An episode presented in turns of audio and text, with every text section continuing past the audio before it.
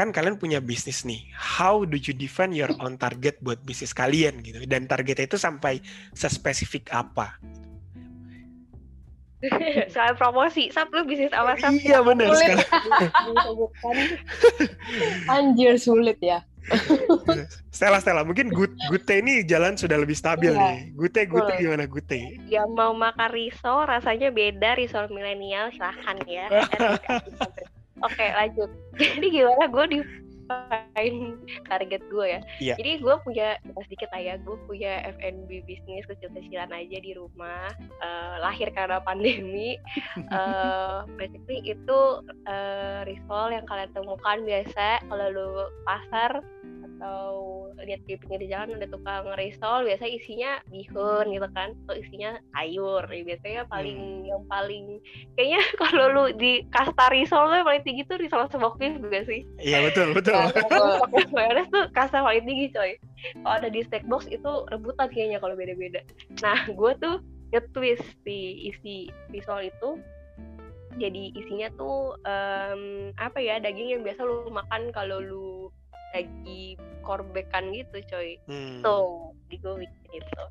Nah em, gimana gue nentuin targetnya? Eh, waktu itu gue juga sempat bingung sih ya. Ini bisnis gue biasa bantuin orang kok gak bisa bikin targeting sendiri gitu ya. Gue gue lihat dulu nih ini kan em, pertamanya sih gue waktu itu mikirnya ya eh, ini kan rasanya agak beda ya. Kayaknya mayones mayones tuh biasanya anak muda yang suka orang tua tuh kayaknya kurang suka. Hmm. biasanya gitu nih behaviornya.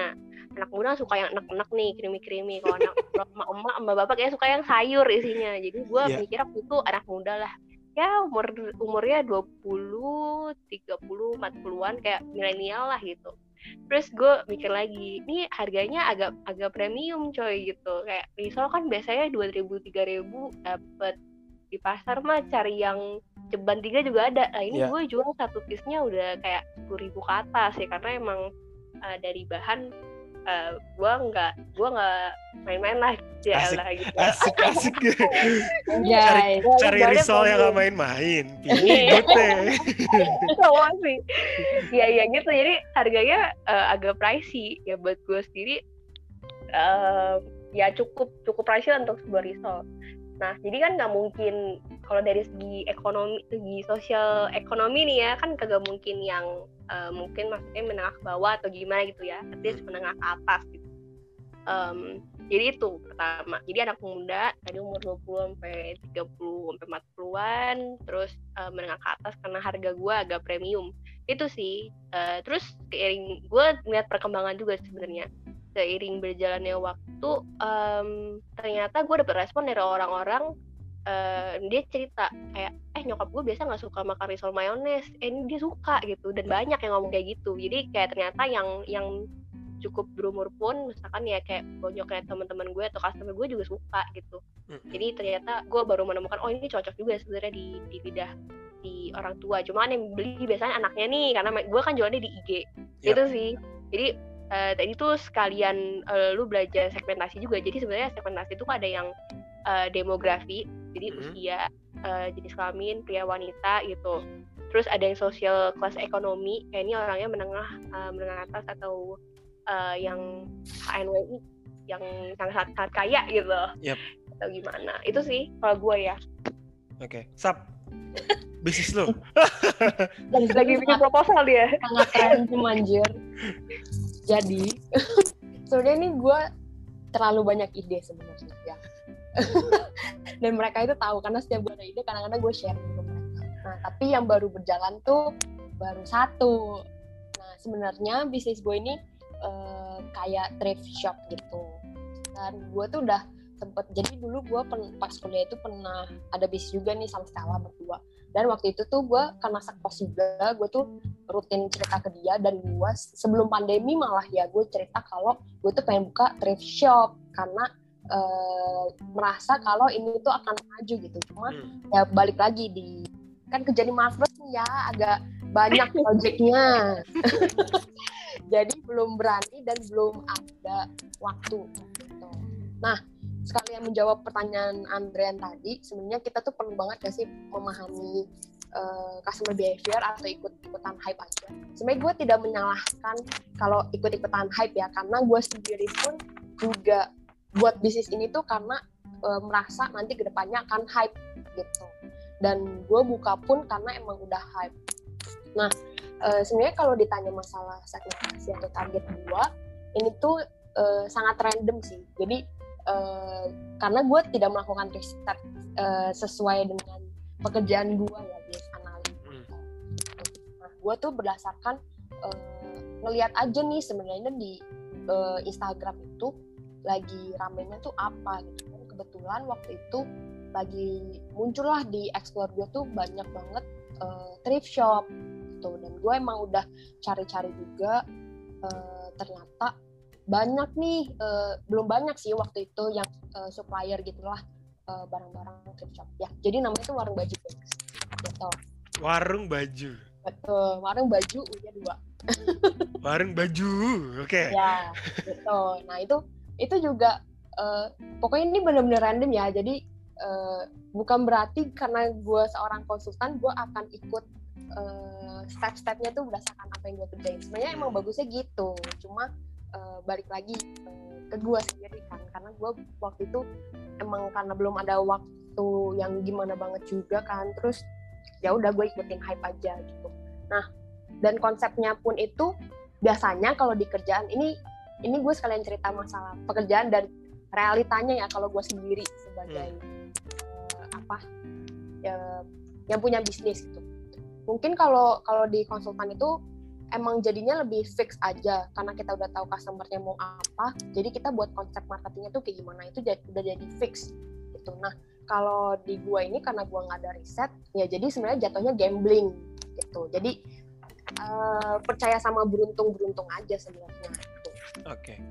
Nah, soalnya kalau kalau berdasarkan riset mungkin itu lebih sustain ya dalam jangka panjang gitu. Kalau ikutan hype ini kekurangan juga nih. Kalau ikutan hype mungkin em, kalau kita maintainnya bagus ya mungkin akan panjang tapi ada kemungkinan juga ini bakal bertahan pendek aja gitu hmm. sesuai hype nah kebetulan uh, yaitu pertama gue mau jualan thrift shop itu karena menurut gue nih uh, udah mulai muncul akan hype dan konsep warungnya itu tuh gue dapet waktu gue lagi mandi gitu. Ya, jadi baik. sangat sangat random saja. Ya, jadi sangat-sangat random. Nah ini nggak tahu apakah emang bagus diikuti apa enggak.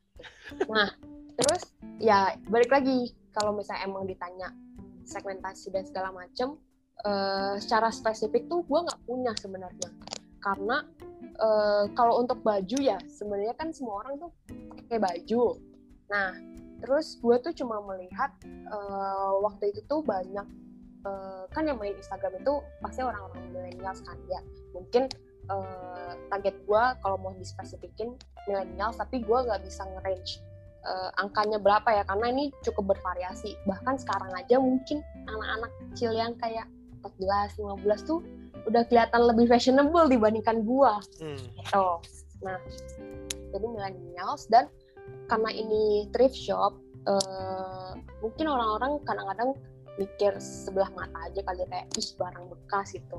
Hmm. terus uh, barang murah segala macam kayak gitu gitu nah uh, mungkin dulu pas sebelum ini sekarang kan udah hype banget udah banyak banget dulu tuh belum. Nah ini jadi salah satu pertimbangan gue juga sih apakah bisa berjalan apa enggak karena persepsi orang-orang tuh masih kayak gitu masih negatif tuh tapi akhirnya gue niatin ya meskipun uh, terlaksananya cukup lama ya setelah gue harus resign dulu baru gue jalanin. Nah ya udah akhirnya uh, setelah hype uh, eh, gue berani masuk ke bisnis ini gitu. Jadi uh, mungkin targetnya orang-orang yang emang uh, mereka itu suka fashion tapi uh, bisa dapat harganya tuh yang cukup murah dia tuh hmm. gue tuh susah men mendefinisikan itu. Karena uh, dulu kan orang-orang masih mikir ya gue harus punya baju atau eh, barang-barang uh, yang emang branded. Karena mungkin orang-orang tuh mikirnya barang branded itu bagus segala macam. Tapi itu sebenarnya kita tuh masih bisa loh dapat barang-barang branded. Uh, tapi kita nggak nggak perlu juga ngeluarin harga yang segitu gedenya. Karena kita bisa beli barang-barang uh, bekas gitu. Dan barang bekas tuh belum tentu barang jelek karena kan uh, itu tergantung QC ya. Gue sih QC-nya tuh bener-bener ya bisa dibilang cukup detail lah. Jadi gue nggak mau jual yang misalnya kancingnya hilang atau kancingnya patah atau ada yang robek sedikit jadi gitu. Ya ya ya, gitu. ya. paling itu sih Oke, emang emang kadang-kadang nih targeting ini uh, susah-susah gampang gitu ya. Maksudnya uh, by teori uh, semakin spesifik, hmm. lu akan semakin uh, gampang untuk tap in the market. Tapi ya, untuk betul. bikin spesifik juga kadang-kadang sulit gitu karena uh, ada bias juga antara uh, tipe tipe orang yang A, B, C dan lain sebagainya gitu. That's why ya perlu pintar-pintar juga untuk bikin ya. Cuman soalnya gue ada juga nemu nih sab kayak temen gue yang suka kalau beli gadget ini tapi konteks konteksnya gadget ya. Oh, dia ya? lebih suka yang second gitu karena uh, gue melihatnya karena dia secara financial literasinya itu sudah lebih bagus gitu.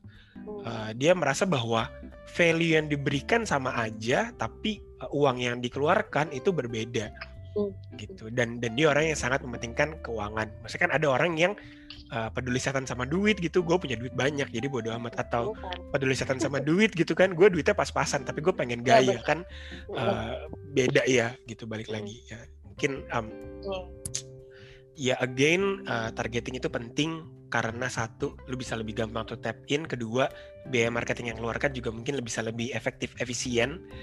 Uh, dan yang ketiga customer behavior yang lu cari juga nggak perlu serabutan ke sana sini gitu. Karena lu tahu bahwa ini segmennya gue fokus sama ini aja. Ketika ini udah beres gue baru bisa nanti. Oh gue mau expand uh, target customer gue juga bisa kan sebenarnya gitu. ketika sudah berubah. So teman-teman paling itu um, apa namanya hal-hal uh, yang yang yang apa ya skop pekerjaannya seorang bisnis analis di konsultan pemasaran kemudian uh, masalah-masalah marketing yang mungkin muncul gitu yang bisa applicable sama kalian yang punya bisnis juga. Tadi kita ngomongin targeting, kita ngomongin customer behavior, baru ujung-ujungnya branding kita bisa maksimal uh, dan lain sebagainya gitu. So teman-teman semoga bisa uh, get something lah dari obrolan kita gitu. Terakhir, gue pengen nanya ke kalian nih, ikutin tren sekarang kan uh, ya gue nggak mau jawaban klise lah kayak tren marketing apa sekarang? Digital marketing ya semua orang juga udah tahu gitu ya. Uh, bosen dengernya. Digital marketing kayak gimana ya? Nanti kalau ada yang expert kita bisa tanya-tanya. Tapi uh, taktik marketing apa sih yang sekarang ini uh, efektif menurut kalian? Sekarang dan ke depan mungkin ya pasca pandemi ini. Uh, kalau menurut gua sebenarnya kan sekarang ini anggapannya orang-orang tuh di rumah mulu ya udah udah lebih dari setahun lah nih pandemi. Orang-orang tuh udah kayak udah bosen banget mau ngapain pasti ya kan? Nah berhubung gue di kantor sekarang juga nanganinnya marketing terus gue tuh emang sempet uh, lihat-lihat juga kan brand-brand lain. Uh, mungkin kalau dulu tuh kayak lebih ke spesifik ya kayak maksudnya jualan apa yang kita jual gitu kontennya. Misalnya kayak ngasih tahu oh kita jualan uh, laptop uh, spesifikasinya kayak gini gini gini lu tuh bisa dapet ini gitu segala macam atau kayak temanya uh, lifestyle segala macam gitu. nah kok sekarang menurut gue tuh jadinya lebih receh tapi itu perlu hmm. menurut gue ya nah karena gue uh, aktif nih main TikTok ngeliat-liat konten TikTok maksudnya yeah. itu tuh berasa banget dari yang uh, eh, gue main tuh kayaknya udah cukup lama. Dulu tuh jarang banget brand pakai TikTok. Paling yeah. kayak kita kita doang kan pakai. Sekarang tuh udah banyak banget entah dia iklan atau dia buat akun sendiri. Dan kalau misalnya emang kalian pada pakai dan uh, ada yang aktif juga uh, sekarang tuh perusahaan brand-brand yang masuk ke TikTok tuh dia tuh buat konten yang malah uh, jauh banget dari perusahaan dia gitu kayak ya udah yang sekarang lagi nge-hype nih lagu A terus uh, biasanya kan TikTok kan identiknya sama joget ya. Yeah. nah jogetnya lagi hits yang ini ya udah mereka buat aja. Kayak gitu ikutin aja joget pakai lagu itu segala macam. Kayak apa pun konten yang penting entertain. Karena ya balik lagi kan sekarang orang bosen udah nggak tahu lagi mau ngapain aja di sini. Dan uh, tujuannya tuh menurut gua ya tujuannya adalah uh, sekarang tuh emang ujung-ujungnya maunya jualan. Tapi nge-grab supaya mereka tertarik tertarik dulu sama brand kita itu tuh jadi tujuan yang paling penting juga sekarang gitu itu yang paling pertama uh, buat konten yang emang tuh mungkin lebih ke entertain kali ya. Oke. Okay. Pertamanya. Nah paling nanti emang di sela-selanya uh, entertain kita kasih edukasi terkait brand kayak gitu. Tapi itu ya nanti uh, seiring berjalannya waktu. Yang penting kita ikutin uh, apa sih kayak sekarang lagi gemparnya apa, terus uh, yang penting kita bisa nge-entertain. Ya udah, nanti mereka lama-lama akan ke bawah sendiri nih ke brand kita gitu. Hmm. Yang penting eksis sih. Iya iya iya ya. Nggak nggak harus convert jadi jadi selling tapi betul. Uh, uh, tetap diinget dulu nih brandnya sama sama mereka gitu biar nggak lupa nanti ya. waktu mereka punya duit mereka beli uh, mereka ingetnya brand lu nih pertama kali ya, ya kan lebih leluasa gitu oke okay, oke okay. Stel Wait, oke okay. nih ya um, kalau secara konten tadi setuju sih sama Sap kayak lebih ikutin yang hype gitu kan ya yang lagi viral sekarang apa kalau mungkin jawaban lain ya. Kagak boleh jawaban digital marketing dari kata anda ya. Tapi ini ini sebenarnya tidak bisa dipungkiri emang digital marketing ya karena karena orang juga sekarang udah di rumah doang gitu ya. Terus semua orang udah terkoneksi dengan internet ya ya udah tidak dipungkiri lagi digital marketing nggak yep, tapi kalau yeah. misalkan lebih spesifik digital marketing seperti apa tadi kalau secara konten saya udah bilang yang receh-receh lagi nge-hype kalau gua ngelihatnya ini kebetulan banget sebenarnya sih. Gue kemarin baru ikut satu online conference mm -hmm. yang beda time zone dan gue waktu itu mengeluh ke Sabrina. Karena dia mulai jam 9 pagi di sana di sini 9 malam coy. 9 malam sampai jam 9 malam sampai jam 6 pagi. Gila. Tapi tapi gue ambil positifnya aja dapat ilmu. Jadi itu itu IG summit gitu sih. Jadi hmm. para influencer-influencer di Instagram atau para brand-brand yang sukses di Instagram tuh kayak sharing knowledge lah hmm.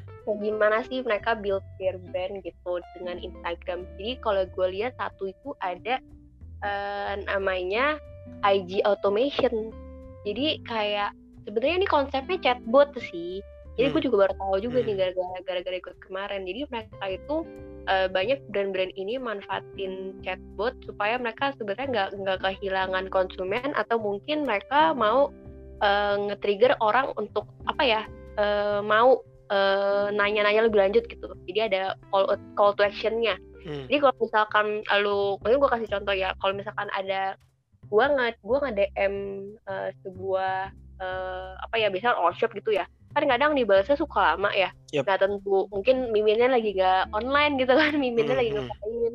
Jadi dibalasnya lama mungkin sehari atau gue mungkin nunggu berapa jam baru sampai dibalas ada kemungkinan kayak gitu tapi dengan lu punya IG automation itu yang banyak bentuknya satu salah satunya chatbot untuk balesin. Jadi misalkan kan suka ada keyword yang ditanyakan dari seorang ya kayak e, min ini price nya berapa? Ini dia langsung otomatis akan bales gitu I see. Jadi mungkin itu tidak kehilangan momen kayak ketika seorang itu kan lagi pengen nanya banget nih, eh udah lewat sehari mager ah gue gitu dibalasnya. Mungkin mungkin ada kayak gitu kan. Mungkin dia mau menghilang lebih grab opportunity lebih cepat gitu. Jadi begitu ada yang nanya dia langsung responsif.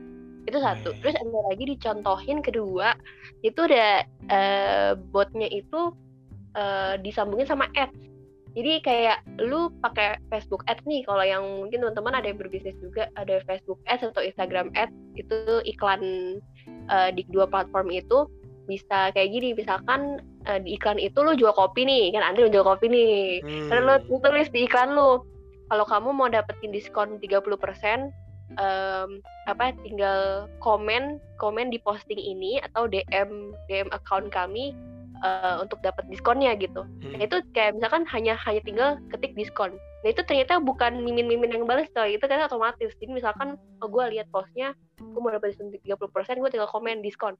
Nanti lu otomatis akan langsung dapat vouchernya gitu. Jadi okay. kayak apa ya? Ya karena jualannya udah online, mungkin kalau lu ketemu orang, kalau dulu ini ya lu supermarket suka dapet kupon AW gitu kan, yang iya. disobek-sobek. Yeah, yeah. mungkin mungkin sama ya uh, konsepnya cuma ini digital gitu Iya. Jadi lu dihampiri oleh bot uh, yang ngasih diskonnya gitu sih. Itu yang kayaknya lagi Ini ini berarti si Instagram yang yang keren banget ya provide provide fitur mm-hmm. untuk orang-orang yang jualan dan kebanyakan iya. kan yang jualan di sana ya UMKM lah ya mungkin kebanyakan sekarang yang jual di Instagram ya. Kalau brand brand ya ada sih, ada juga sih. Cuman gue lebih sering lihat UMKM sih yang promosi-promosi kalau di di Instagram uh, gue. Betul. Gitu. Tapi ini bukan kayaknya Insta kayaknya ada collab juga sih. Jadi ada ya startup gitu kebetulan uh, si startup ini ngebikin sistemnya ya. Gue ngerti mungkin collab sama si IG ya supaya ya, ya. Uh, fiturnya bisa berjalan. Jadi bukan pure bukan pure IG doang sih. Jadi ada startup gitu yang membuat sistemnya. I see. WhatsApp juga ada kok sekarang. Mm -mm. WhatsApp juga iya betul tuh. Uh, gue ah. mau ke uh, apa dokter gigi kan ya. Terus gue cari dulu tuh emang di Instagram di sekitar rumah gue apa. Terus dia kan ada linknya tuh biasa di bio-nya. Gue hmm. chat. Mm. Uh, masukkan tuh ke WhatsApp. Nah ya bener tuh dia tuh kayak ngasih, dia tuh nanya gue itu mau cabang yang mana? Ada nomornya tuh satu cabang A dua cabang B tiga cabang C. Nah nanti gue tinggal tulis aja nomornya. Oh gue uh, yang cabang C berarti gue nomor tiga gue tulis tiga. Tadi dia balas lagi mau uh, itu chatbot juga tuh mau uh, layanannya apa? Misalnya bersihin karang gigi atau nambel atau segala macam kita balas lagi pakai nomor. Ntar pas buat jadwal baru dibalas sama adminnya Hmm, ya perkembangan teknologi bikin orang tuh pengennya serba cepat lah ya. Jadi Betul. mau nggak mau chatbot tuh berperan penting uh, untuk bisa bangun engagement sama customernya gitu terlepas daripada lu balesnya lama karena miminnya lagi sibuk atau miminnya lagi kerja di konsultan kan jadi nggak bisa gimana kan mimin lagi meeting sama klien balesnya gimana oh, kan iya. nggak mungkin kan ya iya. Oke oke, thank you, thank you Sab, thank you Stel buat insightnya, buat pembelajarannya. Who knows ada teman-teman di sini yang tertarik masuk konsultan pemasaran. Uh, feel free buat tanya-tanya sama Sabrina sama Stella. Ini senior uh, di konsultan pemasaran Mark Plus. Siapa tahu ada yang tertarik. Mantan belajar sama Pak Hermawan kan juga bisa ya kan masuk ke tempat ini. Atau teman-teman yang mungkin lagi bangun bisnis uh, lagi bingung dengan ide-ide marketing ya mereka juga bisa share insight lah uh, bagi apa kita bikin konsultan juga sab? Berdua sab? Bagus. Udah udah bagus. cukup cukup. Oke okay, kalau gitu um, thank you sab. Thank you Stel sekali lagi udah mau datang sharing di mentorcast yang uh, uh, channel edukasi. so jangan lupa untuk dengerin uh, sharing-sharing lain lagi dari podcast mentorcast.id. Uh, hari ini cukup sekian dan see you di podcast-podcast lainnya. Bye-bye. Bye-bye.